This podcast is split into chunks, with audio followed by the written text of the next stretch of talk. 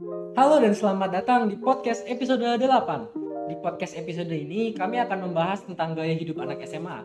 Saya Muhammad Adam Raditya dan kali ini saya akan membahas topik yang sangat penting dan relevan dengan kehidupan remaja saat ini. Kita semua tahu bahwa masa remaja adalah masa yang penuh dengan tantangan, pergolakan emosi, dan penemuan jati diri. Oleh karena itu, penting bagi kita untuk memahami bagaimana gaya hidup anak SMA dapat berdampak pada kesehatan fisik dan mental mereka, serta bagaimana kita dapat membantu mereka dalam menjalani masa-masa ini dengan positif. Di podcast kali ini, saya akan membahas topik ini berkaitan dengan gaya hidup anak SMA, mulai dari tren terkini, tekanan dari teman sebaya, hingga pengembangan minat dan bakat. Seperti podcast-podcast sebelumnya, kali ini kita juga akan menghadirkan narasumber untuk membahas topik ini bersama. Di sini kami menghadirkan dua, dua narasumber. Ada Halo, saya Sekar. Halo, saya Farel. Oke, jadi tanpa basa-basi lagi, mari kita mulai podcast kali ini.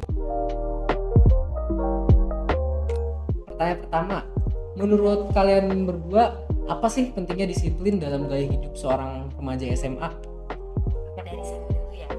Sebelum kita lanjut ke pembahasan yang lebih berat, kita tuh harus tahu nih definisi dari disiplin itu apa. Disiplin itu perasaan taat dan patuh terhadap nilai-nilai yang dipercaya merupakan tanggung jawabnya. Nah, kalau dilihat dari definisinya saja sudah sangat penting, apalagi pengimplementasiannya. Coba kita bayangin, seluruh remaja nggak punya sikap disiplin. Kebayang nggak sih Indonesia mau jadi apa?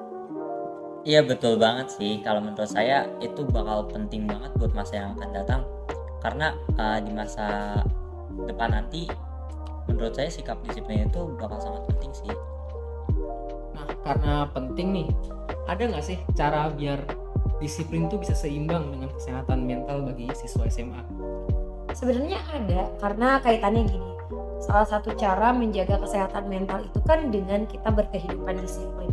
Dari situ aja kita udah tahu bahwa itu harus diseimbangkan. Jadi ya kita tetap hidup selayaknya dan sewajarnya saja sambil diseimbangi dengan kedisiplinan agar pengaruhnya itu mengarah ke positif bukan malah merusak mental kita. Iya lalu kan uh, kesehatan mental itu kan setiap orang beda-beda ya. Jadi menurut saya nggak bisa dipukul rata sih. Lalu kalau misalnya ada nih orang dengan kesehatan mentalnya tuh gampang capek atau bagaimana, sedangkan hal-hal disiplin itu me menuntut mereka harus melakukan sesuatu dengan disiplin, itu gimana caranya? Disiplin itu kan nggak semuanya berat ya. Kita bisa dari disiplin dalam waktu, disiplin berpakaian. Jadi dicoba dengan disiplin yang lebih ringan dulu yang tidak berpengaruh ke, uh, terhadap kesehatan mental dia sendiri gitu. Terkecuali dia melakukan disiplin-disiplin yang berat yang malah mengarah buruk terhadap kesehatan mentalnya itu mungkin lebih baik tidak dilaksanakan. Ya itu dia sih. Kan kesehatan mental orang kan beda-beda ya. Oke.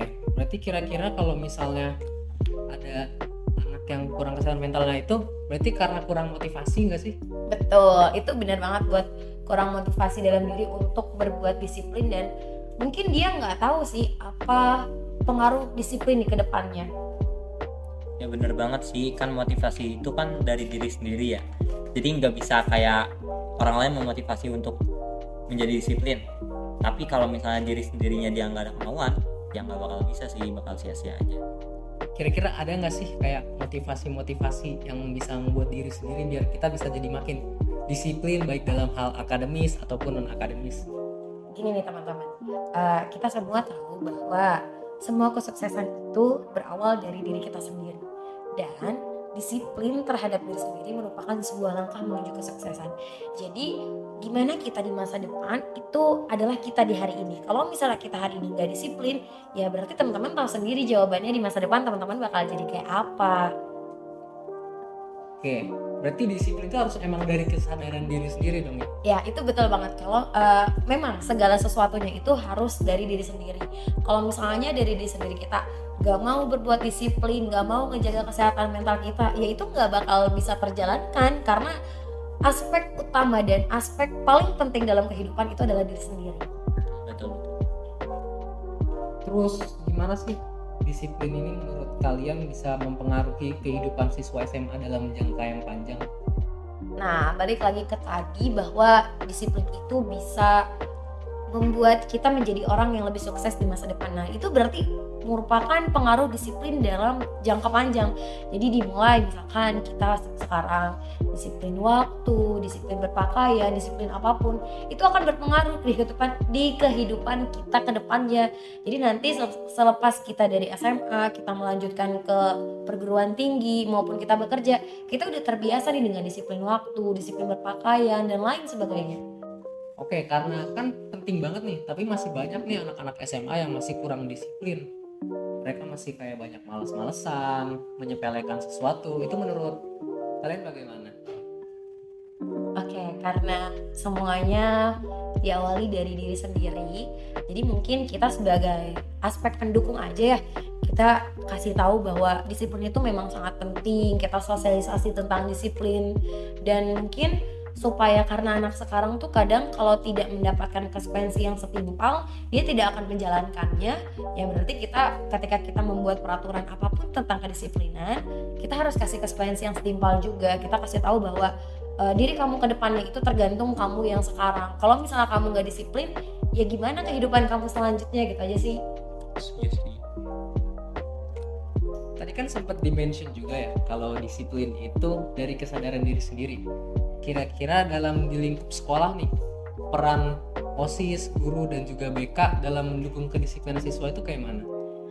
Oke, dari OSIS sendiri mungkin kan sudah terlaksana tuh program-program seperti ketika upacara, disiplin upacara. Uh, ada pendisiplinan upacara, dari guru-guru juga sering banget ngingetin kita buat taat terhadap peraturan. Nah, taat terhadap peraturan itu merupakan salah satu sikap disiplin juga apalagi dari pihak BK sendiri.